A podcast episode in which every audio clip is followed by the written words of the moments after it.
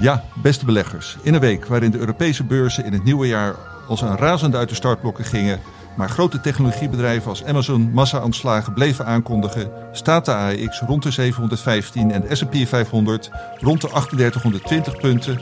Tijd om te praten over beleggen. Dit is voorkennis. Three ways to make a living in this business. Be first, be smarter, or cheat. No, I don't cheat. Beleggersbelangen presenteert voor kennis.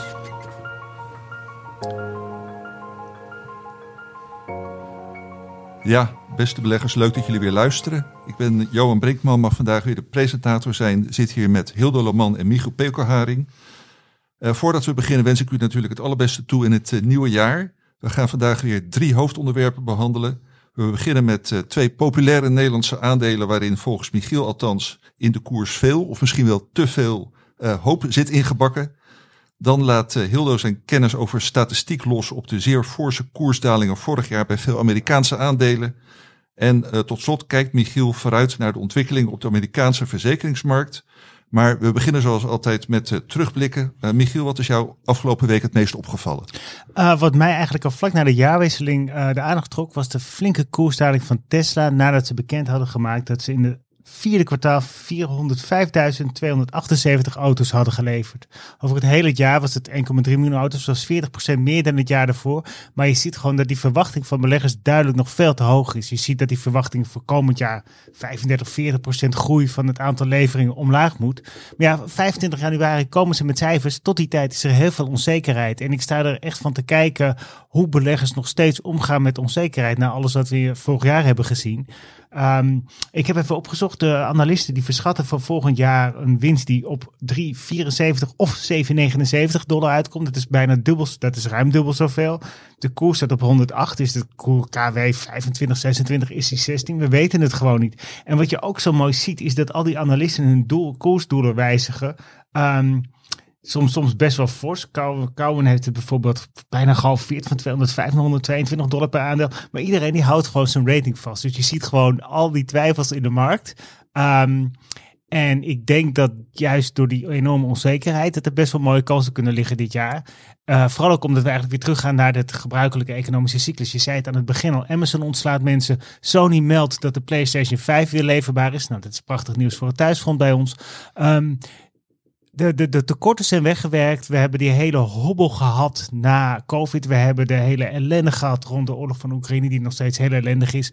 Maar je merkt dat er een soort van nieuw normal komt, een nieuw, ja, business as usual. En ik ben, ben heel benieuwd om te kijken hoe dat er dit jaar uitziet. Ja, nou Tesla is inderdaad ook een van de aandelen die we vanochtend in onze redactievergadering hebben besproken. En uh, ja, wat, waar we, die we met bovengemiddelde belangstelling uh, volgen. Wil jij in dit kader nog wat anders noemen, Michiel? Of kan ik het woord aan Hildo geven? Je kunt het uh, woord aan Hildo nou, geven. Dan doen we dat gewoon. Hildo. Ja, wat uh, mij was opgevallen is um, dat er een gerucht gaat. Dat het stond op Bloomberg en meestal is dat redelijk betrouwbaar. Dat uh, China de subsidie aan de Chinese chipbedrijven wil gaan uh, afbouwen of stopzetten. Um, dat zou natuurlijk heel gunstig zijn voor chipmakers. Dat betekent gewoon simpelweg dat, dat concurrenten niet meer gesubsidieerd worden. voor de makers van de machines, de chipmachines, zoals de ASML, is het ietsje minder goed nieuws, maar ik denk dat het uiteindelijk ook wel weer meevalt. Maar ja, ik vond het in ieder geval een interessant bericht. Maar wat is de achtergrond? Wat zou de achtergrond zijn van, de, van die uh, uh, wijziging? Ja, ja, dat, nou, ik, uh, ik ben geen kenner van de Chinese politiek, maar um, de, kijk, de eerste vraag is: is het een succes geweest? Um, en dan kun je, ja, dat is een beetje lastig te zeggen. Er zijn, uh, China heeft op chipgebied best wel succes geboekt. Uh, maar de, het is wel de vraag hoeveel miljarden mag zo'n succes kosten. En er zijn natuurlijk grenzen aan alles, ook aan de Chinese miljarden. Um, dus het kan heel goed uh, zijn dat China heeft gedacht van nou, we hebben er al zoveel ingestopt. nu moeten ze het lekker zelf uitzoeken. En we blijven er geen miljarden in stoppen. Dus dat zou zomaar eens een, een reden kunnen zijn. Oké, okay, interessant. Een ander um, Nieuwsberichtje um, is uh, deze week is, uh, is uh, de medische apparatuurtak van GE is afgesplitst. Um, dat, dat, ja, dat vanaf nu handelt, staat het op eigen benen. Handelt ook op de, op de beurs stond meteen de eerste handelsdag 8% hoger. En ik zag ergens op Bloomberg zag ik een statistiekje dat, um, dat afsplitsingen van bedrijven het de eerste jaren na die afsplitsing uh, meestal beter doen uh, op de aandelenbeurs dan althans, dan, um, dan de moederaandelen zelf. En ik heb ook even gekeken bij bijvoorbeeld Signify, de verlichting van, van, het, van Philips. Dat heeft het inderdaad twee jaar, de twee jaar na de afsplitsing van Philips heeft het beter gedaan. Daarna ging het wat minder, maar nu staat het ook weer uh, qua rendement sinds die splitsing beter dan Philips. Nou is dat niet zo heel moeilijk. Ik wou net zeggen, dan lat ligt hier wel heel laag. ja. maar ook bij Siemens zag je bijvoorbeeld bij, uh, bij Healthineers dat het uh, de jaren daarna beter met Healthineers ging dan met moederbedrijf Siemens. Dus op zich is dat wel weer een, een interessante. Nu hebben we met de GE Health hebben we er weer, weer eentje bij. Ja, nou, we blijven uiteraard volgen wat, wat daar speelt. Uh, uh, dank jullie wel. En uh, nou, ik heb mogen aanschouwen afgelopen dagen dat jullie ook weer druk in de weer zijn geweest voor het magazine van beleggersbelangen van deze week. Michiel, jij, jij was in Japan gedoken. Kun je daar wat over vertellen? Ja, absoluut. Wat ze daar hebben gedaan, nou, ze doen eigenlijk heel weinig daar, maar ze hebben een minieme bijstelling van de tienjaarsrente gehad. De centrale bank, naar Europese centrale bank en Amerikaanse, iedereen die stuurt natuurlijk op de beleidsrente. Dat is de korte rente. Um, maar de Japanse centrale bank die heeft helemaal de rentemarkt in een ijzeren greep door ook de lange rente, de tienjaarsrente te beïnvloeden door uh, staatsobligaties te komen als ja, de rente de verkeerde kant op gaat. En ze hebben gezegd van ja, die moet nog steeds uh, ongeveer op nul zijn. Het enige verschil is in plaats van dat ze een boven- en ondergrens van een kwart procent, hebben ze nu een half procent. En de hele markt ziet daarin een grote koersomslag. Eigenlijk een beetje voor sorteren, want Japan krijgt binnenkort een nieuwe uh, directeur van de centrale bank. Uh, dat, dat eigenlijk de bestaande directeur de ruimte vrijmaakt voor zijn opvolger om wat uh, meer ruimte te geven. Omdat de Japanse centrale bank inmiddels meer dan de helft van alle uh, staatsobligaties in handen heeft. En die markt die raakt gewoon ontwricht. Dit is, dit is iedereen die weet dat het beleid op de lange termijn niet houdbaar is.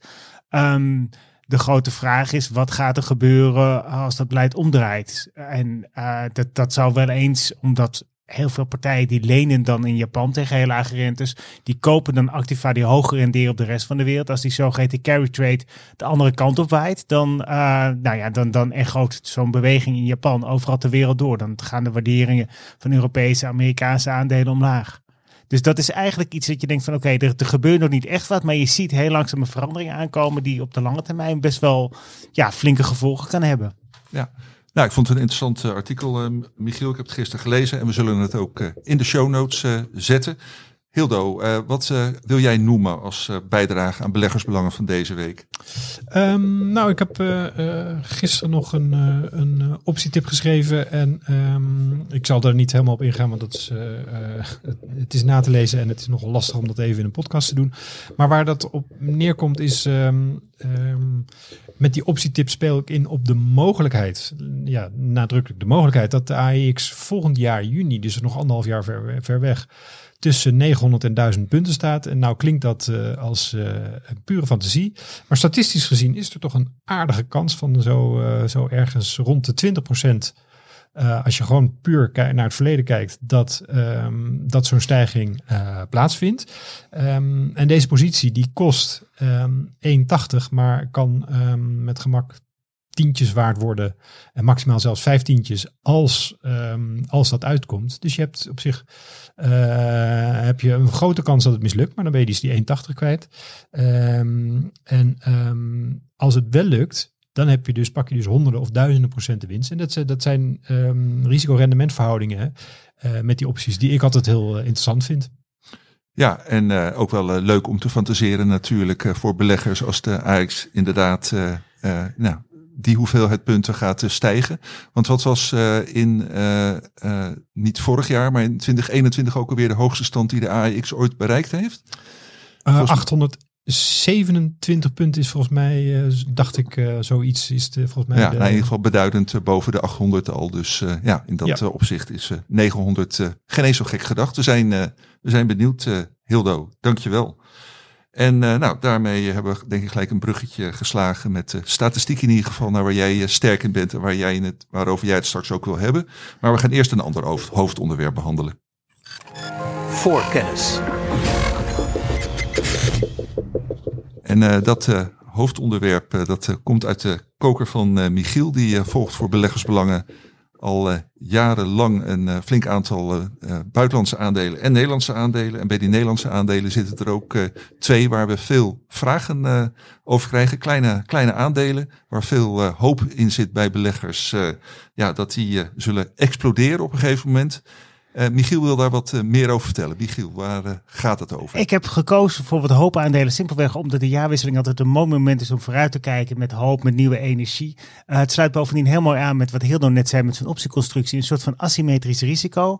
De kans dat het lukt is heel klein. Maar mocht het lukken, dan heb je een fabelachtig rendement. En dat geldt voor de optieconstructie. Dat geldt eigenlijk ook wel voor deze, deze twee aandelen. Ehm, het eerste is Avantium. En eh, wat doen die? Eh, dat is een chemiebedrijf. Het is ooit afgesplitst van Shell. En eh, ze, ze hebben allemaal prachtige technologie in huis om bioplastic te maken. Maar de vraag is natuurlijk, je hebt een mooie technologie in huis. Wat, wat gebeurt er in de praktijk? Is het ook haalbaar? En dat gaat binnen, ja, binnen 1, 2 jaar wordt dat duidelijk. Ze zijn aan het bouwen aan een grote nieuwe fabriek om furandi carboxylic zuur te maken. Nog een keer, Michiel. Ja, makkelijk. hè? Furandi carboxylic zuur. Dat is een. eh nou, ik kom zo meteen bij een ander bedrijf over nog een paar tongbrekers. Maar tot nu toe eh, is dit het. Ik, afgekort als FDA-CA. En ehm, de grote vraag is, als je dit op grotere schaal gaat produceren, kan je dan gewoon, eh, heb je dan een valide alternatief voor alle plas, plastic eh, materialen die je nu nog op oliebasis maakt? En helemaal als de olieprijs heel hoog ligt, dan is dit een heel mooi alternatief. En ook als de olieprijs laag ligt, dan eh, simpelweg door die complete verduurzaming, door alle nieuwe regelgeving, door bedrijven die zich op duurzaam gebied willen laten voorstaan, heb je alsnog iets moois in handen. Ze hebben best wat, ja, best wat successen gehad al. Uh, ze hebben de financiering rondgekregen voor de fabriek. Ze hebben klanten binnengehaald zoals LVMH. Ondanks Mono Suisse, die zijn niet heel bekend in Nederland, maar die maken allemaal vezels. Dat is ook best wel een grote speler binnen dat segment. En uh, ja, volgend jaar dan, dan is die fabriek af, mogelijk eind dit jaar. Maar volgend jaar wordt die dan waarschijnlijk in gebruik genomen. En dan wordt duidelijk of dit gaat lukken. De uitdaging is alleen, um, ze komen waarschijnlijk nog 10 of 20 miljoen tekort om uh, alles goed af te ronden. Dus als zo'n bedrijf geld op moet halen, dan, uh, dan, ja, dan ben je als zittende aandeelhouder word je niet heel blij, omdat je belang verwatert. En helemaal met de huidige wat hogere rente. Uh, wil een ja, nieuwe partijen die hierin stappen behoorlijk beloond worden voor het risico dat ze lopen. En uh, vorig jaar is de koers dan ook met 29% gedaald. Het is, geen, het is wel een aandeel dat als het goed gaat, dan, uh, ja, dan heb je een, droomrendement. Um, de, zelfs als de fabriek er staat, dan is het nog de vraag. Want dan zijn natuurlijk ook uh, concurrerende middelen. En dan kom ik toch weer terug bij een van mijn vroegere stokpaardjes, namelijk Store en zo. Een Scandinavische bosbedrijf. Die, maken, die hebben zelf die, die bossen, die uh, grondstoffen. En die onderzoeken een soort gelijke technologie. Um, Avantium heb ik een houden advies op staan, omdat ik denk van ja, op prijs rond de 3 euro uh, word je beter beloond voor, het, voor het risico dat je neemt. Uh, Store Enso is nu al onwijs aantrekkelijk gewaardeerd. Ongeveer 11 maanden verwachte winst, 4% dividendrendement. Ze hebben een enorme berg bosgrond die volgens hen 7 miljard euro waard is. Maar waarvan je, als je daar door een CO2-compensatiebril naar kijkt, dat er waarschijnlijk nog wat meer uit te halen valt. Dus dat is in ieder geval het eerste koopwaardige aandeel wat ik deze aflevering nog even wil, uh, wil aanhalen, wat ik al eerder heb getipt. Het tweede bedrijf wat ik wil noemen als een van de hoop aandelen voor dit nieuwe jaar is Vivorion. En uh, wat doen die? Nou, uh, die maken geen uh, Furandi carboxylic, maar die maken varuglutamstat. En dat is een middel tegen Alzheimer. Dat is natuurlijk helemaal de heilige graal in de gezondheidswereld. Maar ja, net zoals met de echte heilige graal is er nog niemand gelukt om hem te vinden. Ondanks dat partijen er enorm veel geld in hebben gestopt. Misschien leuk om dat even in perspectief te plaatsen. De schattingen voor, de marktomvang voor zo'n middel, uh, die komen volgens iHealthcare en er is op 25 miljard in 2029. Maar het laat zich uittekenen dat door vergrijzing en, en nou ja, de hele beweging waar we heen gaan met deze wereld, dat het in de toekomst veel groter kan worden. Um, maar Waarom is het nog niemand gelukt? Omdat het nou heel lastig is om te kijken van waar komt het nou vandaan. Heel veel middelen die richten zich op de zogeheten plaks die dan ontstaan. Dat zijn kluwe eiwitten binnen de hersencellen. Is dat het wel, is dat het niet? Uh, een paar jaar terug was er heel veel aandacht voor een middel van um, Eisai, Japans bedrijf, en Biogen. Uh, Aduhelm heet het uiteindelijk. Dat is ook op de markt gebracht. Maar bedrijven vergoeden het niet simpelweg omdat de kosten meer dan 50.000 eh, enorm hoog waren en de effectiviteit niet heel overtuigend, plus heel veel bijwerkingen. Eh, de, vorig jaar is nog een middel van Roche mislukt. Ehm de uh, Isai en Biogen hebben ook overgeschakeld naar een ander middel. Er zijn heel veel kapers op de kust. Vivorion heeft er wel een klein streepje voor. Eigenlijk twee streepjes. Het eerste is dat het makkelijker toe te dienen valt. Je hoeft geen injectie te geven, maar je kan, kan het gewoon in pil- of vloeistofvorm innemen. Het tweede is dat ze iets eerder in de proces zitten, dat het iets meer werkzaam is. Maar ja, de grote vraag is net als bij uh, Avantium, gaat dit werken? En daar uh, ja, krijgen we waarschijnlijk pas begin 2024, waarschijnlijk nog later antwoord op, als een fase 2 studie resultaten oplevert. Um, de ellende is alleen, voor het zover is, is waarschijnlijk de kas leeg. Omdat de kosten van zo'n onderzoek heel veel, ja, behoorlijk duur zijn. Ze hebben de laatste tijd behoorlijk wat nieuw kapitaal geworven. Net zoals Avanti met een paar bekende namen naar zich toe getrokken heeft, heeft uh, Vivorion dat ook gedaan. Bijvoorbeeld met KKR, het grote Amerikaanse investeringsmaatschappij. Dus er zitten heel grote, grote partijen achter. Alleen de nieuwstroom dit jaar, ik verwacht er niet heel van. Vorig jaar zijn ze al met ruim 40% gedaald. Ik heb een verkoopadvies op het aandeel staan. Het zou fantastisch zijn natuurlijk voor iedereen als dit uiteindelijk wel iets moois opleverde. Maar ik denk dat dit wel een van de typische hoopaandelen is waar het in ieder geval dit jaar nog bij hoop blijft. Ja, hey, en uh, je zei bij Avantium dat komt uh, uit, uh, uit de stal van, van Shell. Ja. ja. Waar komt Vivorion vandaan? Wat is daar van de achtergrond? Dat was vroeger Pri Biogen, dat is eigenlijk een Duits, Duitse onderneming. Net zoals heel veel andere uh, bedrijven zijn ze eigenlijk naar de Nederlandse beurs gekomen, omdat wij Nederlanders wel raad weten met biotech aandelen. Um, en uh, ja, dat, dat heeft eigenlijk een mooie aantrekkingskracht. Heel veel bedrijven zijn ook eigenlijk, en ik denk dat het bij Vivorion ook wel het geval is, dat het eigenlijk net te vroeg naar de beurs gekomen is. Um, simpelweg omdat ze wel geld nodig hebben en dit een goede manier is om geld op te halen. Maar dat het risico-rendementsprofiel meer in de buurt komt van de optieconstructie die Hilde ons net voorspiegelde. Dan uh, van de aandelen die de gemiddelde Nederlandse belegger gewend is. Ja, maar desalniettemin uh, leuk om naar uh, te kijken. En uiteraard, ondanks dat Michiel op dit moment weinig enthousiast is. Kan dat natuurlijk in de loop van het jaar veranderen. En dan gaan de abonnees van Beleggersbelangen dat natuurlijk meteen lezen. En uh, uh, overigens, uh, dat was ik net nog vergeten te zeggen toen Michiel en Hildo over hun bijdrages vertelden in dit nummer van deze week. dat nummer staat bol van de beleggingskansen die wij zien bij beleggersbelangen in 2023.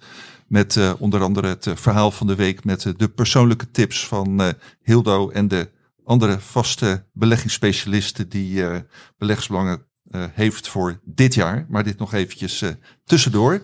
Uh, Hildo, ken jij ja, ook van die typische hoofd- of hoopaandelen die, die jij volgt, waarvan jij zegt van ja, daar, daar zit gewoon veel fantasie bij beleggers waar je, en ja, waarvan de vraag is of dat terecht is? Um, ja, nou, ja, er zijn er, er, zijn er genoeg. Um, in, in, in Amerika heb je er hele bergen van. Uh, maar in het algemeen, uh, ja, het, vooral zijn, ja, Michiel die zei het net al, het zijn vooral, vooral biotechnologie aandelen. En ook bij het onderwerp wat ik straks zal gaan behandelen, komt dat ook naar voren. Biotech, dat is echt de typische dood of. Het is of, of het gaat gewoon failliet. Um, of het wordt een enorm succes, uh, het wordt voor de hoofdprijs overgenomen. Of, uh, ja, dan heb je het met name over de wat, wat kleinere bedrijven, de grote bedrijven. Ja, Daar is het ja, of gladiolen, ja. dat is bijna nee, dezelfde precies. uitdaging als de farma-industrie. Maar je maar richt die... een bedrijfje op, je richt je op één medicijn, dat is, en dat wordt of een, of een groot succes, of het, ja. en, en dan is een vrij grote kans dat het helemaal... Ja, er is dit dat, meer, meer dan 80, 90 procent van alle middelen, die, die haalt de einddoelen uiteindelijk niet. Nee, ja, en dat is, uh, dus dat is, dat is voor mij de bekendste, denk ik, sector waar dit, uh, waar dit geldt. Ja, en uh, die sector die heeft het uh, vorig jaar uh, niet goed gedaan. Om het zachtjes uit te drukken. Maar... Nee, maar dat is met alles wat eigenlijk heel veel sectoren waarvan de winsten ver in de toekomst liggen. Als je die toekomstige winsten tegen een veel hogere rente naar het heden gaat terugrekenen. Alles wat er enigszins met groei te maken heeft, heeft het echt heel, heel zwaar gehad vorig jaar. En eigenlijk eind 2021 zag je dat ook al. Ja, helder en interessant. We zetten de artikelen over deze aandelen in de show notes. En we maken het eh, bruggetje naar het volgende hoofdonderwerp. Voorkennis. Uh, volgende hoofdonderwerp, daar besteden we wat meer uh, tijd aan, heeft een wat langere aanloop nodig. Eh, Hildo is bij ons op de redactie de man die eh, in ieder geval eh, uit dat hij heel erg veel eh, van statistiek weet en dat ook ongetwijfeld weet en, eh, en, en daar geen geheim van maakt. En eh, ja, daar wil je wat over vertellen, Hildo, en dan met name met betrekking op eh, ja, wat zegt dat nou over de kansen voor Amerikaanse aandelen die eh, vorig jaar heel erg hard zijn afgestraft. Leg uit wat je daarmee bedoelt. Ehm, nou ja, er is denk ik een kleine communicatiestoornis geweest ergens. want het, het statistiekje wat ik een, een, alweer een paar maanden geleden zag, zag ik langskomen. Eh, van ehm, eh, de analisten van Fundstrat, dus een Amerikaanse analistenbedrijf. En ehm, daar had iemand uitgezocht dat sinds 1975, dus niet vorig jaar, maar sinds 1975, 45% van alle Amerikaanse aandelen ehm, ehm, sindsdien ehm 90% of eh, meer verlies hebben ten opzichte van de hoogste koers van het aandeel. Of, en eh, van, van die 45% is dan ook nog eens een groot deel eh, eh, geëindigd op min 100%. Ehm, dat is wat, ook, wat ik bedoelde met waar ik verwees net naar met die biotech aandelen. Dus 45% eh, van de aandelen sinds 1975 ehm, eindigt dus eigenlijk gewoon ehm, dood of bijna dood, om het zo maar te zeggen. Maar dan heb je het over alle Amerikaanse aandelen? Sindsdien, en dat zijn dus, ja, ik heb even bekeken, de, zij hebben het over 41.500 verschillende aandelen sindsdien. Eh, en daarvan zijn er dus 18,7 uh, zijn er, nou ja, laten we zeggen, ja, zoals ik al zei, eh, dood of bijna dood. De ten opzichte van de top. De Enrons van deze wereld, de MSCI World, komen eigenlijk alles gewoon tijdens de internethype uitgeschud. En, en bergen biotech uiteraard, Ja. zoals ik al zei. Ehm, eh, ik vond het een heel interessante statistiek. En het, wat, ik, ehm, ehm, wat, het, wat, het, wat ik hier interessant v- aan vind, is dat het, dit klinkt absoluut niet als reclame voor beleggen. Als je dit hoort, dan zou je denken van, nou, waarom zou je in hemelsnaam beleggen als je dit soort cijfers hoort? Eh, maar daar wil ik Ehm, en ja, daar, daarom, eh, daar, daar wil ik dus wel eens even wat, wat eh, aanmerkingen op maken. De eerste is, 1975 is heel erg lang geleden. Dus we hebben het niet over ehm, eh, dit jaar gaat 45% van de Amerikaanse aandelen gaat kopje onder. Dat, dat, is, dat zegt deze statistiek niet. Ehm, en, en de tweede opmerking is die eh, moet onthouden als belegger, is dat de winsten onbeperkt zijn. En eh, de verliezen zijn beperkt tot 100%. Dus dat, en dat kan ik met een heel simpel voorbeeldje even uitleggen. Als je een, eh, stel je hebt 10.000 euro, je verdeelt dat gelijk over 10 aandelen. Ehm Eén aandeel ehm, komt eh, op 1000% winst te staan, 1000% koersrendement te staan. Eén aan, een ander aandeel doet het met maar 100%. En de andere acht gaan failliet, oftewel min 100%. Dan zit je alsnog op een winst van 30%. Terwijl op papier lijkt het een bloedpad met acht aandelen die gewoon min 100% scoren. Eh, en dat is wat ik bedoel. En, en als je dus over de hele lange termijn kijkt, eh, want 1975 75 is nou eenmaal lang geleden, ehm, dan, gaan er, dan zijn er aandelen die erg, heel erg hoog eh, scoren. in de honderden en duizenden procenten. En daarom ben ik eens even gaan kijken bij de, bij de indices. En heb ik gewoon eens gekeken ehm, over de afgelopen 20 jaar. Een redelijk lange periode. Niet super lang, maar een redelijk behoorlijk lange periode. En ben ik gewoon eens gaan kijken naar ehm, de S&P, de Russell 2000, eh, de Nasdaq Composite en toevallig ook de AX, wat dan niet zo'n hele mooie, brede index is. Maar ik dacht voor de Nederlandse belegger, die neem ik dan ook maar even mee. Ehm, en daar zie je inderdaad ook zo'n soort vergelijking. Eh, een aantal, eh, een, een relatief klein groepje met super, super aandelen, die echt eh, duizenden of tienduizenden en in enkel geval zelfs meer dan honderdduizend procent rendement hebben gehaald. eh, vanaf ten opzichte van 20 jaar geleden of vanaf het begin dat ze genoteerd zijn. Ehm, en, dat, en, dat zijn bijvoorbeeld namen. Bijvoorbeeld, ik zag Apple staat op plus 50.000 procent. Amazon 8.500 procent. Eh, Nvidia 14.000 procent. Netflix 40.000 procent. Eh, Tesla 7.000 procent. Eh, het zijn enorme rendementen. En tegelijkertijd heb je ook een vrij grote groep die op eh, min 50, min 60, min 70 en eh, heel wat aandelen min 90, min 95, zelfs min 100 procent staan.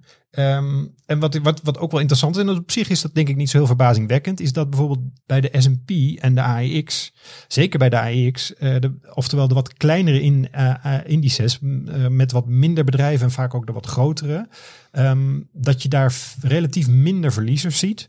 en wat meer grote winnaars. En dat komt omdat voordat je in de S&P komt in Amerika, moet je toch echt wel behoorlijk wat succes hebben. En als het niet goed gaat met een bedrijf, dan vliegt het aandeel er ook in, in een noodtempo uit. Want er staan zo weer eh tig bedrijven die wel succes hebben te wachten om in die, in die index opgenomen te worden. Dus je krijgt een, ehm, ja, wat in het Engels eh, heet het een selection bias.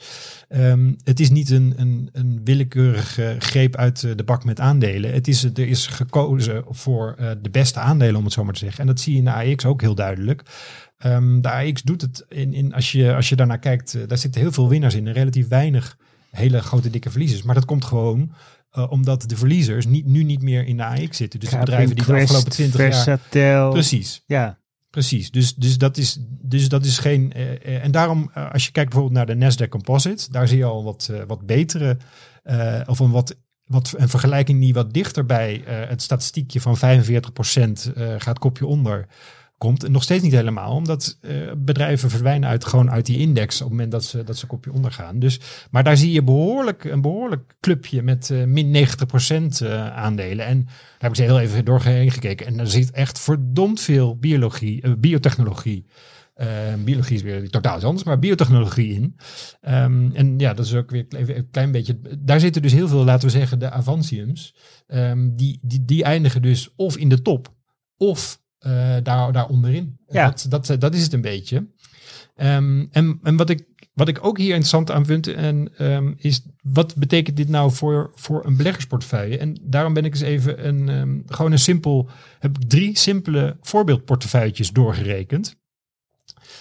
Van, een, van drie beleggers, een, laten we zeggen, een gemiddelde stokpikker, een hele goede stokpikker en een slechte stokpikker. Ehm, en ik heb even dan, ehm, en die, die kiezen alle drie 40 aandelen. En ik heb eh, een soort verdeling gemaakt uit verschillende, laten we zeggen, verschillende rendementscategorieën. Dus hoeveel van die supertoppers, dus eh, laten we zeggen meer dan 1000 procent rendement.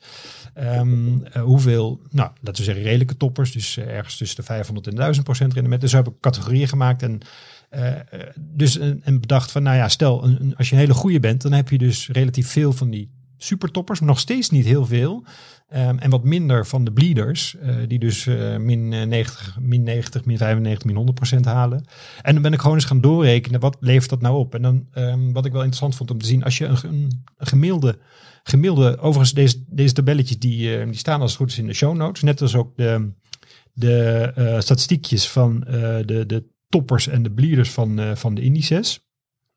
En voor, eh, voor, gewoon voor mensen die het leuk vinden, heb ik ook trouwens het lijstje van de AX er helemaal opgezet. Dat was voor de S&P eh, en andere indices eh, zou dat lijstje iets te lang worden. Dus dat heb ik niet gedaan. Dat eh, is wat te veel. Ehm, maar goed, om, om op die portefeuille uit te komen. Wat interessant is, als je dus de gemiddelde stokpikker, als je dan gewoon, eh, en ik heb dus gewoon fictief wat rendementen eh, ingevuld ten opzichte eh, hoe het, van wat ik, wat ik zag, eh, dus bij, de, bij, die, bij bijvoorbeeld bij de Nasdaq aan, aan plus 1000, plus 2000, plus 5000, heb ik gewoon natte vingerwerk wat rendement ingevuld. En dan kun je, en het grappige is dat je best wel aardig dicht bij ehm, het gemiddelde rendement komt van de S&P 500 over de afgelopen 20 jaar. Dus als jij gewoon een redelijke stokpikker bent, dan kun je, dat, kun je zelf dat best wel goed ehm, nabootsen. Als je een goede stokpikker bent, dan, eh, en je hebt dus net wat meer van die, van die toppers, ehm, dan kun je dus de, de S&P eh, redelijk makkelijk verslaan. Eh, en, en na 20 jaar gaat, scheelt dat echt serieus veel, veel geld. Ik heb... ik ben ervan uitgegaan dat je met een ton begint. En ehm, als je met een, een goede stokpikker bent en je hebt, je pakt dus net een paar meer van die, van die hoogvliegers, dan, eh, dan kun je de S&P met, eh, aan het einde van, het, rit- van de rit met eh, meer dan een ton verslaan. Dus dan heb, hou je aan het einde van de rit meer dan een ton extra over dan Ja, als je wat is dan de het einde van de rit? Na, 10 na of 20 jaar. Na 20 jaar. Na 20 oké. jaar. Dus dat, Ja. En dat is ook allemaal fictief. Het is, Ja. kijk, ik, dat weet ik natuurlijk ook wel. In de praktijk koopt natuurlijk niemand 40 aandelen en doet 20 jaar lang niks behalve het dividend herbeleggen. Dus, dus de praktijk zal anders uitlopen. Maar het ging mij even om, het, om, om de gedachte. Eh, en dat is ook een, een belangrijk punt, is dat ehm, die toppers eh, in de portefeuille een, een hele belangrijke rol spelen. Want wat ik ook bij die, bij, bij die portefeuille van de, de gemiddelde stokpikker, ehm, wat je kan zien, is dat 95% van de koerswinst komt van eh 12,5% eh, van de aandelen. Dat is trouwens nog vrij ja, grote groep. Ik heb gelezen, volgens mij was het Bessenbinder, een Amerikaanse wetenschapper, die heeft die rendement ook eh, ja, op een rijtje gezet. En die heeft eh, be- becijferd dat eh 4% van de totale koerswinst op de Amerikaanse aandelenmarkt, eh, dat, dat, dat volledige koerswinst te danken is aan slechts 4% van de aandelen. Ja, nou ja, zoals ik al zei, dit, kijk, dit zijn gewoon fictieve verzonnen portefeuilles. Dus, ehm, dus dat, Dat, dat, dat- dat maar- is eigenlijk maar nog, ook- heb je re- relatief maar de les veel winnaars ertussen gezet. Ehm, relatief veel winnaars. Nou, ehm, het ligt ook aan welk rendement je de winnaars toedicht, uiteraard. Ja, Eh, want dat- de winnaars, zoals ik al zei, er zitten in, eh, als je gaat kijken, er zitten dus aandelen met tienduizenden procent rendement bij. En ik ben ook wel benieuwd eigenlijk, want nou ja, laten we wel wezen mensen, ondanks deze vreselijke enge percentages, soms kan je als belegger gewoon een rendement halen van 6, 7, 8 procent gemiddeld per jaar op de lange termijn. Dus als je maar goed belegt en nou ja, de, de ergste fouten niet maakt, dan kan je een heel eind komen. Ja. Hoe neem je dividenden ook mee erin? Want ik kan me voorstellen dat Nou- er bedrijven zijn die dan heel veel dividend hebben uitgekeerd en uiteindelijk toch kopje onder zijn gegaan, maar dat je alleen al aan Ja, dat, dividendinkomsten... dat kijk, zo, eh, zo heb ik het, eh, zo gedetailleerd heb ik het niet gedaan, want dan zou het razend ingewikkeld worden. En ik, ik ben er, ik heb wel, eh, ik heb dus een, een standaard, eh, per portefeuille een standaard jaarlijks dividend eh, rendement en dat herbeleggend heb ik meegenomen. Ehm, ehm, en daarbij ben ik er wel van uitgegaan dat als jij goed bent in het uitkiezen van aandelen, dan kies je waarschijnlijk wel bedrijven die dus kennelijk de omzet kunnen laten groeien, hoge winsten behalen en dat ook eh, langdurig. En die dus ook eh, wat, wat meer dividend eh, uit zullen keren. Dus bij die stokpikker heb ik een wat hoger jaarlijks dividendpercentage gepakt. En bij de slechtste stokpikker ehm, heb, ik, eh, heb ik er wat lager. Dus ik heb daar wel rekening mee gehouden. Want dat, is, dat zal in de, praktijk ongetwijfeld, dat heb ik niet nagerekend. Maar ik durf te wedden dat het zo is dat bedrijven die succesvol zijn ook qua dividend het, eh, het, eh, het beter zullen doen dan bedrijven die niet succesvol zijn. Want simpelweg, als je geen winst hebt, dan kun je uiteindelijk ook geen dividend uitkeren. Dus Absoluut. Maar dit, dit is ook gewoon hoeveel dividend keer je uit voordat je uiteindelijk. Precies, maar ik heb een, een tijdje geleden heb ik ehm, ehm, ook nog, ehm, want dat ging, eh, heb ik eh, in een podcast een onderwerp behandeld over, eh, over dividendperceptie. Namelijk, dat ging mij een beetje om dat ik, ik vind bijvoorbeeld Bezi is een hele goede dividendbetaler, maar staat in Nederland toch absoluut niet bekend als een dividendaandeel. Terwijl als je kijkt, dat heb ik toen eens even gewoon tien jaar geleden be- bekeken. over tien jaar is Davy en uh, Bezi een aanmerkelijk betere eh, dividendbetaler dan bijvoorbeeld Unilever. Terwijl Unilever wordt gezien als een echt super dividendaandeel. Eh bijvoorbeeld de Randstad scoorde daar ook heel erg goed. Ehm, ehm, dus, ehm, en, en wat, maar kijk, goed, maar wat, wat je daarmee wil zeggen, kijk, Bezi heeft natuurlijk gewoon heel goed gedaan. En dat zie je dan ook, ook terug aan het dividend. Het- dat bedrijf is eh, gewoon echt heel hard gegroeid. En dat zie je dan vroeg of later komt dat ook. eh, en zelfs ASML. ASML heeft over de afgelopen tien jaar, als je tien jaar geleden in ASML had belegd, dan heb je nu ehm, qua percentueel meer dividend ontvangen op ASML dan Unilever. Dus ook al is ASML een slechte betaler, omdat het zo succesvol is, Ja, wordt het toch eh, een beter dividendaandeel. die, die, het is gewoon de dividendgroei is veel belangrijker dan de hoogte van de dividend. Precies. Dat is de Precies. Rode draad. Ja, ja die, die groei. En die groei die moet ergens vandaan komen. Ja. En Unilever, dat, die heeft heel veel moeite met de groei. Dus dan kun je wel hoog aan percentage hebben. Maar op de lange termijn heb je meer aan een bedrijf, aan een succesvol bedrijf, dat wel, wel Ja. uiteraard wel iets moet uitkeren. Want als je nooit dividend uitkeert, dat is natuurlijk weer een ander verhaal. Nee, absoluut. Je kunt beter beleggen nu in de aandelen die de komende tien jaar net zo snel groeien als ASML dan een bedrijf als Unilever. Maar ja, de grote vraag is... Ja, precies. Dat is, dat is, want dat is natuurlijk eh, het moeilijke. Want dat, zat- dat zat ik ook- want, want dat is een, een tweede les, denk ik.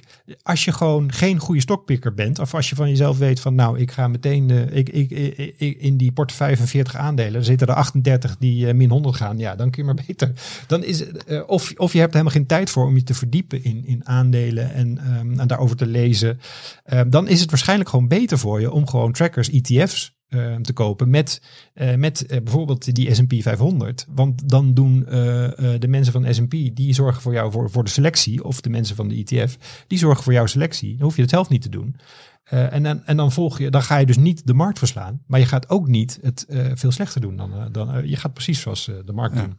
Maar dus dat is de tweede les, belangrijke les. Ja, maar even een vraag Hildo, want we gaan even ervan uit dat naar deze podcast veelal actieve beleggers luisteren die denken dat ze goed genoeg zijn en goed geïnformeerd zijn om de markt te verslaan.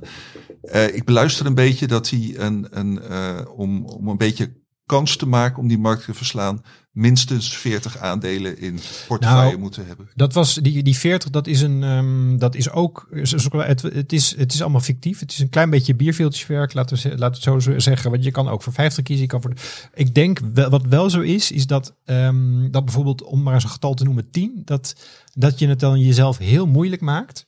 Ehm, omdat de kans dat je bij die 10, eh, van die 10, dat je er één of twee, eh, of drie, zelfs drie, echte hoogvliegers hebt, is een stuk lager dan als je er 40, eh 40 aandelen pakt. Want ik geloof er niet in dat mensen zo goed zijn. Ehm, dat zij ehm, perfect zullen kiezen. En het is nou eenmaal zo dat ehm, als er een relatief kleine vijver is van, van hoogvliegers, je maakt gewoon meer kans als je gewoon ehm, vaker vist, om het zo maar. Snap je wat ik bedoel? Dus Ja, zeker, maar dan- meerdere, dan- dan- meerdere precies. hengels, meerdere Precies, met meerdere hengels heb je betere kans Ja. dan eh, dat, eh, dat je met één hengel voor één hele grote vis eh, Ja. gaat. Dus, dus dat effect. Ehm, en ik denk, kijk, en het is oh, tegelijkertijd zo dat eh, bijvoorbeeld 100 of 200 aandelen, dat is razend lastig om dat bij te houden, om het op te zetten. Ehm, dus 40 is een soort, ja, het is een beetje een eh, natte vingerwerk, maar dat lijkt me een, een, denk ik, een redelijk aantal. 10 is gewoon te weinig en 100 plus wordt gewoon voor de gemiddelde particulier echt heel moeilijk. Uit eh, onderzoek blijkt volgens mij dat je 15 aandelen moet hebben uit compleet verschillende sectoren en landen om dit eh, ja, het bedrijfsspecifiek risico eruit te halen. Maar jij zegt 40 aandelen. Toeval of niet, heel veel van die specifieke fondsen die er nu komen. En dat zijn eh, soms heel te, ja, themafondsen, maar bijvoorbeeld ook eh, het, het, het vlaggenschipfonds van Robeco. Daar zitten ongeveer 40 aandelen in. Dus je ziet in die fondsindustrie dat je heel erg naar die concentratie toe gaat. 40 bedrijven die je echt goed kent, waar je echt Ja. veel van verwacht. Het is wel een... Ja. eh, Ja, dat, is, dat is dan puur toeval. Maar ik vond het eh, een, een, wel een mooi getal. Ook omdat waar het mij ook om ging, is dat ik dan bijvoorbeeld zeg: eh, van die 40% haalt 5% echt een mega rendement. Dus oftewel 1000 plus procent. Ehm, en ehm, kijk, als je met eh 10 aandelen zit en je zegt 5% haalt dat, dan kom je op een half aandeel. Dus Ja. dat werd dan een beetje lastig. Dus oh, het was ook gewoon puur praktische overweging had het ook. Ehm, maar dus, dus één les is, eh, is, is spreiden. Een andere eh Nou ja, les daar, daar heb ik nog wel een vraag over, Hildo. Want spreiden inderdaad dan over het aantal aandelen. Maar is het in deze opzet eh, ja, van belang eh, dat je dan ook spreidt in sectoren? Of zou je bijvoorbeeld kunnen zeggen, ik doe 40 biotech aandelen en nou weet je, dan zitten er vast wel een paar van een paar duizend in. Mm, Nou, kijk, het, het, eh, ja, we hebben het er net al over gehad. Het nadeel van biotech is dat er zitten inderdaad enorme hoogvliegers in, maar er zit ook behoorlijk veel eh, eh, bodem, eh, de, de, zeggen, de, de bodemgangers bij. Dus niet zozeer de, de vissen die je bij de boom kan vingen, maar gewoon dat ze naar de bodem gaan. Ehm, want, en ik zou, ik zou de statistieken niet weten, maar ik denk dat, dat met spreiding dat je ook over sectoren zou willen spreiden. En dat je uiteraard per sector probeer je natuurlijk wel de meest kansrijke eruit te pikken. Dus ik zeg, ik zeg niet van nou doe geen biotech, maar ik zeg ook niet doe heel veel biotech. Nee, zou- spreiden is ook in die zin van belang. Niet alleen in dus het aantal Ja. aandelen, maar ook over de sectoren. Ja, want het is ook moeilijk, moeilijk eh, denk ik te voorspellen. Van, eh, kijk, want nu weten we allemaal dat bijvoorbeeld dat, dat Amazon en Apple dat dat een succes is geworden. Maar wat, welke sector, ehm, eh, van welke sector zeggen wij over twintig jaar? Ja, daar had je gewoon echt flink in moeten beleggen. Dat, nou ja, dan kun je wel ideeën hebben, maar het is gewoon echt heel moeilijk te voorspellen. Eh, bijvoorbeeld, ja, vorig jaar zagen we ineens dat, dat, dat de oude, ja, ik noem maar even de oude olieindustrie, dat die ineens het heel goed deden op de beurs. Terwijl de jaren daarvoor vond iedereen het gewoon waardeloze belegging en wilde iedereen er vanaf. Ehm, dus het kan verkeren. Het blijft gewoon moeilijk te om in de ko- toekomst te kijken. Dus ik zou qua sectoren zou ik zeggen, spreid ook daar gewoon lekker. Want eh, je weet het niet. Het is heel moeilijk te voorspellen hoe het, eh, hoe het gaat lopen in de wereld. Ehm, en om dan even nou, een- want ja, de, de, de, de lessen om eh, te proberen de markt te ver- verslaan. Ik denk overigens wel dat het kan. Alleen je moet er gewoon veel werk in steken. Maar een, tweede is, ehm, wat heel belangrijk is, is een zo laag mogelijk instapniveau. Ik heb gekeken naar bijvoorbeeld de afgelopen 20 jaar. En nou weet iedereen die de beurs een beetje, beetje wat langer volgt, weet dat 2002 ehm, dat de koersen een stuk waren afgekomen. Dus gewoon eh, lager lagen. En dan, dan is het makkelijker om een hoog rendement te halen dan als je op de top in- instapt. Dus een eh, eh, laag instapniveau. Oftewel, dus je koopt of tijdens ehm, behoorlijk slechte beursperiodes, dat koersen laag staan. Of je zorgt dat je er relatief vroeg bij bent in de beurshistorie van een, van een bedrijf. Ehm, dus bijvoorbeeld als je ASML nu koopt, ja, dan eh, wordt de kans op 10.000 procent eh, rendement wordt een stuk kleiner dan als jij jaren geleden op eh, enkele tientjes ASML hebt, hebt gekocht. Ehm, dus of wees er vroeg bij, of koop op momenten dat iedereen denkt, ik wil er vanaf. Ehm, eh, bijvoorbeeld 2009 was er zo'n, eh, en ook eh, begin deze eeuw waren dus goede momenten. Dus dat zijn denk ik, dat is een andere factor. Hoe lager je koopt, hoe, hoe groter je kansen op, op echte toppers zijn. Zo simpel is het. Dat is gewoon simpelweg wiskunde. Een andere ehm, is denk ik dat op tijd ingrijpen om die, die enorme bleeders, om die enigszins te beperken.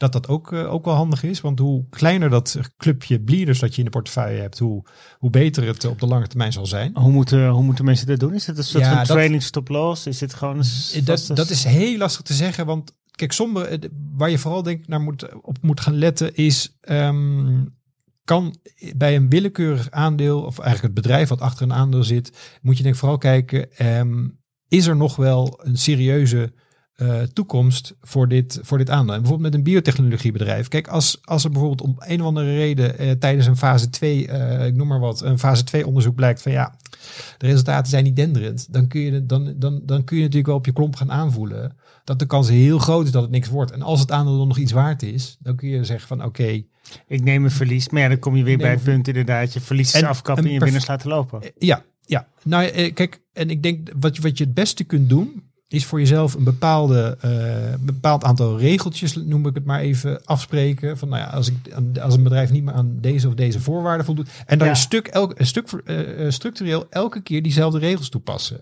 En, en die, die regels zullen nooit perfect zijn. Want er zijn dan altijd bedrijven die dan toch drie jaar later ineens eh, blijken hè, het wiel opnieuw uitgevonden te hebben en als een dolle gaan op de beurs en ook in, de, in, in het bedrijfsleven. Dat, dat zal dan gebeuren.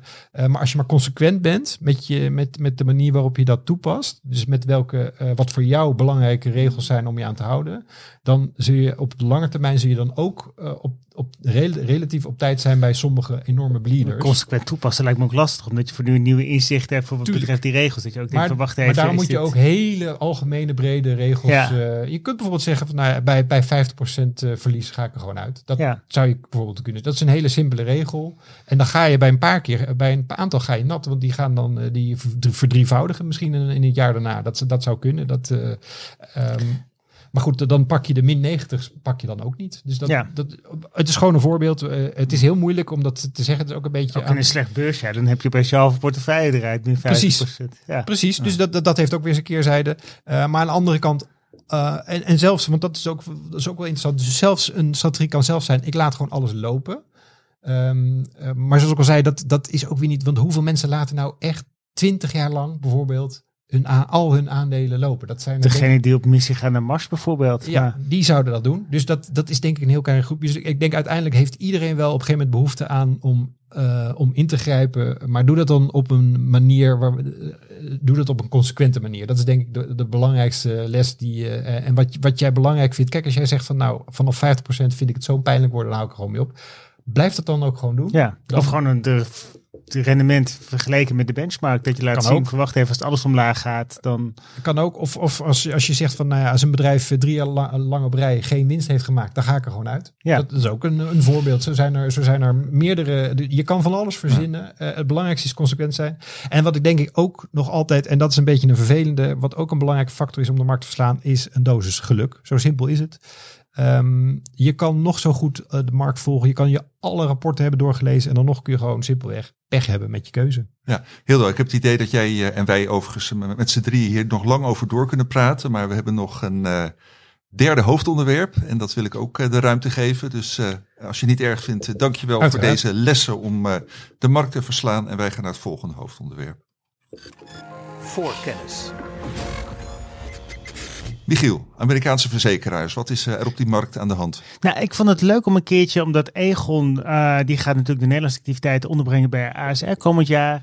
En ik had iets van, ja, wat, wat voor markt komt Egon dan terecht? Want wat blijft er over van Egon? Dat is met name een groot Amerikaans bedrijf met activiteit ook nog in het Verenigd Koninkrijk en nog een aantal andere landen. Um, en eigenlijk uh, heeft die Amerikaanse verzekeringsmarkt best wel wat aantrekkelijke dingen going for it right now. Um, de, de premieinkomsten die nemen toe, simpelweg omdat, nou ja, we hebben een uh, zwaar jaar gehad, een zware periode met COVID. We hebben een zware periode gehad met natuurrampen. We hebben hoge inflatie. En je ziet dat terug bij verzekeraars dat ze dat dan hogere premies gaan rekenen. Dus die premieinkomsten zitten in de lift. Uh, de hogere rente maakt het wat makkelijker om een goed rendement te genereren met hun uh, portefeuilles. En ik zat ook terug te kijken. Ik heb de afgelopen jaren eigenlijk best wel wat over die Amerikaanse verzekeraars geschreven, viel mij op. En een van die bedrijven die ik eigenlijk al in mei 2021 tipte, was uh, Chubb. Dat was eigenlijk Ace Limited, maar ze hebben die naam gehouden omdat Chubb simpelweg wat beter klinkt. Dan is het maar een soort van snoepje. Het hoofdkantoor staat in Zurich, maar het is, ja, aandelen worden veranderd in New York. Het is de grootste schadeverzekeraar ter wereld. Die hebben het ondanks, ja, ja wat lastige omstandigheden, maar de koers stond ook wel heel laag, best wel goed gedaan, meer dan 30% omhoog. Een jaar geleden heb ik Everest Re getipt, een herverzekeraar.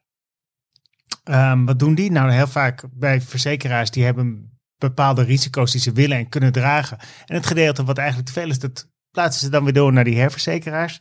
En uh, Everest Re had een jaar geleden had echt een rondje achter de rug met stormen en branden. En die hebben die premies verhoogd. En je ziet nu ook wat dat, uh, wat dat opbrengt. Ik wil eigenlijk een nieuwe uh, naar voren schrijven nu. En dat is Unum Group, U-N-U-M. Het is een afschuwelijke naam. Ze zijn 175 jaar geleden opgericht als Union Mutual. En uh, je zou denken, had in hemelsnaam die naam gehouden. Want dat klinkt een stuk beter dan Unum Group. Um, maar wat doen die? Dit is de grootste uh, verzekeraar tegen arbeidsongeschiktheid in de VS en het Verenigd Koninkrijk. Dus uh, waar, waar ik altijd gek op ben als ik op zoek ben naar een aandeel, is dat ze een bepaald voordeel hebben ten opzichte van andere bedrijven. Bijvoorbeeld, nou ja, Tesla heeft een goede naam met elektrische auto's, maar je ziet nu heel veel bedrijven kunnen elektrische auto's maken en dat, dat voordeel wordt dan wat minder waard. Dus die premie gaat eruit. Het mooie van uh, Unum Group is dat er helemaal geen premie in zit, ondanks dat ze best wel goed gespecialiseerd zijn. Dat heeft uh, deels het gevolg natuurlijk ook van een nare periode die ze achter de rug hebben. Als je ook naar de percentages kijkt, uh, de verhouding tussen de uitkeringen voor uh, arbeidsongeschiktheid en de inkomsten, die, die schoten omhoog. De, hoe lager, hoe beter meestal, maar 73,1% in 2020 naar 76,7% 2021. Volledig het gevolg van COVID. Dat heeft, heeft zich nog even doorgezet. Um, en uh, ze klimmen nu langzaam maar zeker uit het dal. En wat je dan ziet is gewoon een gespecialiseerd bedrijf. Uh, het is niet heel spannend. Laten we wel deze verzekeringsbedrijven die, die uh, zijn juist aantrekkelijk voor beleggers omdat ze niet zo spannend zijn. Het laat zich vrij makkelijk uittekenen wat ze doen.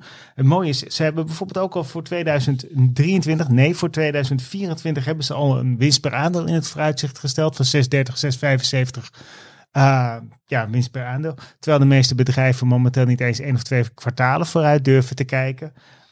De keerzijde is, de groei zit er niet heel erg in natuurlijk. Het is een vrij volwassen markt. 2%, 5% premieinkomstenstijging per jaar. Maar ja, door efficiëntievoordelen, door digitalisering kan die operationele marge wat sneller stijgen. Kom je uit op een winststijging van 5 tot 10% per jaar.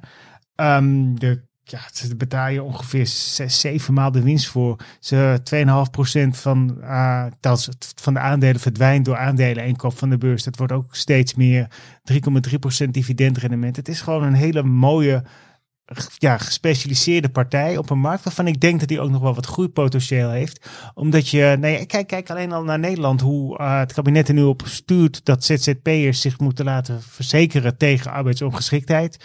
In, uh, nou, Unum heeft vooral bedrijfs, bedrijven als klant. Maar je ziet ook wel in de Verenigde Staten dat werknemers, de positie wordt steeds sterker. Je mensen die, de werkloosheid is laag. En mensen die, die, die vragen hierom. Je ziet een toenemende ja, beweging weer om als bedrijf goed voor je werknemers te zorgen. Dat is ook wel een van de duurzame doelen waar je als bedrijf dan op voor laat staan. Dus ik vind, uh, vind Unum Group, dat vind ik echt een van de leukere voorbeelden nu van de Amerikaanse verzekeringsmarkt, waar Egon dan eigenlijk volgend jaar op terecht komt.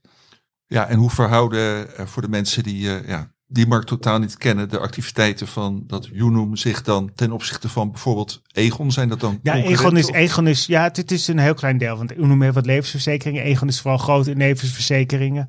Eh, dus, dus Egon zit wel in een heel ander deel van de markt. Maar dat is ook het mooie van de Amerikaanse markt. Want ik noemde al die Tube. Die zijn bijvoorbeeld weer heel goed in schadeverzekeringen. En dat heeft een heel ander karakter dan die, die levensverzekeringen. Ja, en eh, dat uh, Tube, daar heb jij eh, over geschreven. Daar kunnen we een artikel van eh, in de show notes eh, Ja. zetten, als ik me niet eh, vergis. Eh, Everest 3 kan ook. Ik zal die artikelen, ik zal de Ja. links even doorsturen. Ja. Dat, eh, En het eh eh, eh, Unum, dus ook eh tickercode UNUM. Ja. Ja, die, eh, eh, daar hebben we geen artikelen nog eh, over geschreven bij mijn weten. Maar die tickercode kunnen we wel in de show notes zetten. En dat vind jij dus een eh, buitengewoon interessant Absoluut. eh, aandeel. eh, het is, zal niet de tenbagger worden waar Hilde het net over had, maar het kan wel een mooie aanvulling van een portefeuille worden. Simpelweg, ja, je, je hebt een heel voorspelbaar bedrijfsmodel. Je hebt mooie dividendinkomsten. Je hebt ruimte om dat dividend op te schroeven. Ze kopen steeds meer eigen aandelen in. Uh, en dat, dat vind ik ook mooi als je dat vergelijkt bij die Nederlandse verzekeraars. Die hebben al een vrij hoog dividendrendement, maar die zitten in een ja, vrij vastgeroeste markt. Een ja, vrij stabiele vijf, dat is volwassen. En die, die, die uh, arbeidsongeschiktheidsverzekeringen, daar zit wat mij betreft nog wat meer rek in. Dus ik vind het, uh, dit heeft iets grotere groeipotentie dan mooie Nederlandse verzekeraars. Zoals een uh, Egon als ASR of NN Group. Ja, dus een echte aanvulling op wat in Nederland te verkrijgen is. Ja. Ja, zeker. Ken jij die markt uh, ook een beetje, Hildo? Of uh, is dit iets waar jij uh, je niet nou, zo mee bezighoudt? Zijdelings. Ja, zijdelings. ja. Ik weet bijvoorbeeld, het is natuurlijk een markt met hoge dividenduitkering, dat weet ik. Um, en ik weet natuurlijk wel iets van, maar nee, ik, uh, ik verdiep me niet heel erg in die, uh, die aandelen. Um, en, en ook, dus ook die, die sector niet. En dat is gewoon, ja, je kan je niet in alles uh, verdiepen. Nee, nee, nou goed, je verdiept je in heel veel andere dingen, dus dat is ook absoluut geen probleem. Gaan we stilaan naar de afronding toe. Voor kennis. Um, ja, vooruitblikken doen we uh, doorgaans uh, uh, voor de komende week. Maar Hildo, jij gaf aan dat je eigenlijk best wel even iets langer wilde vooruitblikken bij deze eerste podcast van 2023. Dus ga je gang. Ja, nou, ik vind het meer interessant, uh, want kijk, natuurlijk, uh, volgende week komen weer allerlei uh, macro-economische cijfers waar iedereen dan weer over wat over gaat vinden. Um, maar ik, het, de eerste podcast van het jaar en op zich vind ik het ook weer leuk om um, eens even wat verder vooruit te kijken. En um, ik ben gewoon vooral heel erg benieuwd wat voor, wat voor beursjaar 2023 gaat worden. 2022 was, nou Oh, een slecht jaar eigenlijk. Het was niet uh, gelukkig niet dramatisch, maar ook niet, uh, niet bepaald goed. Um, en wat ik wel interessant vind is dat je, ik zie echt behoorlijk veel um, beleggers en analisten voorspellingen maken dat vooral de eerste helft dat dat echt heel erg slecht gaat worden. Um, of althans, dat ze, dan verwachten ze een, nog een flinke klap op de beurzen en daarna zal het beter gaan worden. En waar ik dan, bij mij gaan dan altijd alarmbellen rinkelen als heel veel mensen precies hetzelfde denken op de beurs dan heeft de beurs een nogal sterke neiging om uh, iets totaal anders te doen. Um, ik geloof ook, uh, ja, mensen die, mensen die mij wel vaker gehoord of gelezen hebben. ik geloof ook niet zo in um, dat beurzen zich makkelijk laten voorspellen. ik zelf probeer dat ook zo min mogelijk te doen. Um, en, maar, maar het idee dus dat hele grote groepen beleggers nu perfect voorspeld hebben dat, weet ik veel, in maart of april of of mei of zelfs de komende maand al, dat de hele beurs, de, de hele boel 20% omlaag gaat. Um, ja, ik vind het ergens, bij mij, ik, ik, bij mij gaat het er niet zo in. Meestal werkt de beurs niet zo. Als iedereen klaar zit met zijn poets en aandelen heeft verkocht, Um, dan heeft de beurs nogal de neiging om dan gewoon precies het tegenovergestelde te doen. Dit zie je heel erg inderdaad. Nu iedereen die ik spreek is gewoon even de, even de zijlijn opgezocht. We zijn wat meer defensief georiënteerd. Ja, we zitten wat meer in kwaliteitsaandelen. Ja, we durven niet zo ver vooruit te kijken. Precies. Iedereen is er. Er is gewoon nul vooruitzicht. Ja. Dus zodra dat vooruitzicht er komt, ik denk ook dat heel veel mensen gaan kijken van wat gaan bedrijven bij die kwartaalcijfers zeggen. Ja, en Vandaar dat ik Unum ook naar voren heb geschoven. Dat is een van de partijen die nu al kan zeggen van oké, okay, zo staan we er volgend jaar voor. Ja, wat, wat, en wat ik, wat ik daar meteen ook wil, bij wil opmerken. Ik snap, uh, ik snap de, de, de gevaren, die snap ik natuurlijk uh, uh, heus wel. Dus ik wil niet zeggen van nou, het kan niet anders dan omhoog. Ik, ik zie heel erg ook wel dat er, dat er redenen zijn voor pessimisme. Alleen het punt is dat als iedereen pessimistisch wordt op de beurs, dan, Ja. dan gaat, ga je dus niet de klappen krijgen à la ehm, begin 2009, toen, er echt, toen het eh, de eerste 2,5 maand echt keihard onderuit ging. En kennelijk verwachten sommigen dat nu weer. En dan, al- als heel veel mensen dat verwachten, dan denk ik van, nou ja, dan zal dat misschien niet gaan gebeuren. En waar ik zelf eigenlijk nog het meest bang voor ben, dat is een, dat is een onvervalst kwakkeljaar. Oftewel, ja, het zakt er weer eens een beetje, dan gaat het weer eens wat omhoog en het gaat weer weer omlaag. En, en zo blijven we dan de rest van het jaar een beetje doormodderen. Dat zou ik zelf het meest vervelende eh, vinden. Liever heb ik dat het of flink, eh, dan flink omlaag gaat, dat je hele mooie kansen krijgt. Heb je, je hebt het ook al Ja. een paar keer gezegd, dat zijn de, dat zijn de, dat, dan kun je de mooie koopjes oppikken. Eh, en dan daarna eh, heb je nog jarenlang om, eh, om van het herstel heel veel plezier van die pikken. prijzen die je dan... ja. Precies, dus dat, dat, zou ik, dat zou ik minder erg vinden dan een kwakkeljaar. Waarin, waar- waarbij eigenlijk zowel de Bulls als de Bears zeggen van ja, wat hebben we hier nou aan? En dus, dus ik zit dan ergens te denken van ja, zou 2023 dan zo'n jaar worden? Dat eigenlijk iedereen denkt van ja, hier hebben we dus niks aan. Dus dan Ja, zit je daar met je poets en je kools. En, Ja, dus dat, eh, dat is ook een mogelijkheid. eh, dus daar zit dat, ja, ik wil niet, eh, ik wil helemaal niet dat dat gaat gebeuren. Ik hoop het niet, maar eh, ergens hou ik daar dan eh, ook wel weer rekening mee dat dat ook zo'n eh, jaar kan worden. En, eh, en ik ben er gewoon echt heel benieuwd of, of de beurs dit keer de meerderheid, de massa gelijk gaat geven. Dat, Ja, het is ook spannend. Ik, zover, ik vind het ook wel raar. Want meestal als je zo'n zo'n jaar hebt, zoals we afgelopen jaar gezien hebben, heb je een moment van capitulatie. Heb je iets van, oké, nu gooit iedereen Ja. de handdoek in de ring. Nu, dit is het moment. Iedereen is nu zo pessimistisch, zo negatief. En zelfs ondanks dat iedereen nu heel negatief is, heb ik dat capitulatiegevoel Nee. nog steeds niet. Nee, het is heel, maar, maar de economische situatie ook heel gek. Dat, dat, dat, je, je hebt dus allerlei. Het consumentenvertrouwen was laag. eh, De dat- inflatie dat is hoog. zit er in de lift. De arbeidsmarkt. Consumentenvertrouwen gaat weer Ja, omhoog. dat gaat Mensen weer- die zien, maar het is nog steeds relatief laag. Ja, Eh, maar maar bijvoorbeeld de arbeidsmarkt blijft eigenlijk ook gewoon behoorlijk. Als je in ieder geval in de VS blijft die arbeidsmarkt behoorlijk goed liggen. Dus het, zijn, het, is, een hele, het is een hele aparte situatie. Tegelijkertijd wel, je ziet die, die, eh, die basjes komen, zoals Amazon die Ja. mensen ontslaat. Je ziet die chiptekort die zijn weggewerkt. De, de, het overspannen karakter neemt wat af. En daarom heb ik ook zoiets van, het zou best wel eens een jaar dat het alles een beetje normaliseerd wordt. En het zou inderdaad zomaar zo'n kwakkeljaar kunnen worden. Ja. Dat, We gaan er eh, aan deze tafel met eh, diverse specialisten het komende jaar nog heel veel over spreken. Michiel, heb jij nog eh, specifieke dingen waar je ik, naar ik, kijk, kijkt? ik kijk wel een week vooruit en ik wil ook, waar ik naar vooruit kijk, zijn de kwartaalcijfers van JP Morgan Chase, een van de grootste banken. En waarom kijk ik er naar vooruit? Omdat het best wel een goede graadmeter is voor de Amerikaanse economie, omdat ze natuurlijk heel veel krediet verstrekken en kunnen zien van wat doen mensen nou werkelijk. En net als Hildo ben ik gewoon heel benieuwd van wat, wat gaat dit jaar ons brengen. En ik denk dat daar een tipje van de sluier opgelicht wordt. Ehm, wat, wat viel vorige keer op? Nou, dat vorige keer viel op dat die netto eh, renteinkomsten van de bank veel hoger waren dan verwacht. Die lagen een miljard hoog op 17,5 miljard. Voor dit kwartaal rekent de bank zelf op 19 miljard. Als er nog een keertje een eh, meevallen komt. En als er geen slechte signalen komen over eh, die wijzen op het ja, probleem in de Amerikaanse economie, eh, zou, zou JP Morgan best wel eens een van de mooiere aandelen voor het nieuwe jaar kunnen worden. Simpelweg omdat die rentemarkt dan heel erg in hun voordeel speel- speelt. Eh, ze zijn aantrekkelijk gewaardeerd, ongeveer 12 maanden verwachte winst. Ze hebben 3% eh, dividendrendement. Het is gewoon een heel sterk, heel goed gecapitaliseerde bank. Ehm, het enige ja, waar- waarom ik ze nu niet koopwaardig vind, is omdat ze geen triggers hebben. Er is geen factor die die koers opeens, eh, die nieuws ziet aankomen, die de koers in beweging zou kunnen zetten. En dan als het zo'n kwakkeljaar wordt, dan, dan zit je een jaar met zo'n aandeel en ga je daar het verschil niet mee maken. Dus dat, ik, ben, ik ben gewoon heel benieuwd. Vooral ook Jamie Dimon is een van de bekendste gezichten in het Amerikaanse bedrijfsleven. Wat gaat hij zeggen? Hoe goed zijn de cijfers? En eh, wat, wat, wat weten wij over een week meer? Ze komen op de 13e januari met cijfers. Over wat 2023 ons gaat brengen dan dat we nu weten. Oké, helder en inderdaad iets eh, om naar eh, vooruit te kijken. Eh, dank jullie wel, Michiel en Hildo, voor deze. Nog één ding. We hebben, voordat het de 13 is, hebben we 12 januari nog s'avonds een webinar. Dus Michiel, daar, daar weet jij alles van, want die ga jij presenteren. Absoluut, Dan zit jij eigenlijk op mijn stoel. ja, ja. We hebben Menno van de redactie. We hebben Martijn Roosenmuller van Van Eck. we hebben Lieke van Elvin. We hebben een heel gevarieerde mix. We gaan dividendaandelen tippen. We gaan even kijken wat er in de cryptowereld gebeurt. We gaan kijken waarom heel veel mensen toch niet die drempel overkomen om te gaan beleggen. Ehm, en welke, welke thema's, welke beleggingsgebieden de mooiste kansen bieden in het nieuwe jaar. ja. En eh, eh, inschrijven voor dit eh, webinar. Abonnees kunnen dat uiteraard gratis doen. Niet-abonnees die moeten daarvoor een kleine vergoeding betalen. En ook de inschrijflink zal ik in de show notes zetten. En dan hebben we vast volgende week en een interessante podcast met nieuwe onderwerpen. En s'avonds een interessant webinar. Um, en nou, dan wil ik nu wel Michiel en Hildo bedanken.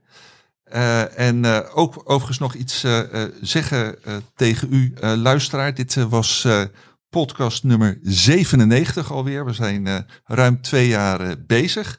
Dus dat betekent over drie weken dat we podcast nummer 100 hebben. En het idee is dat ik dan met al onze vaste beleggingsspecialisten hier om deze kleine tafel gaat, gaat zitten. Dus dat wordt wat inschikken voor iedereen.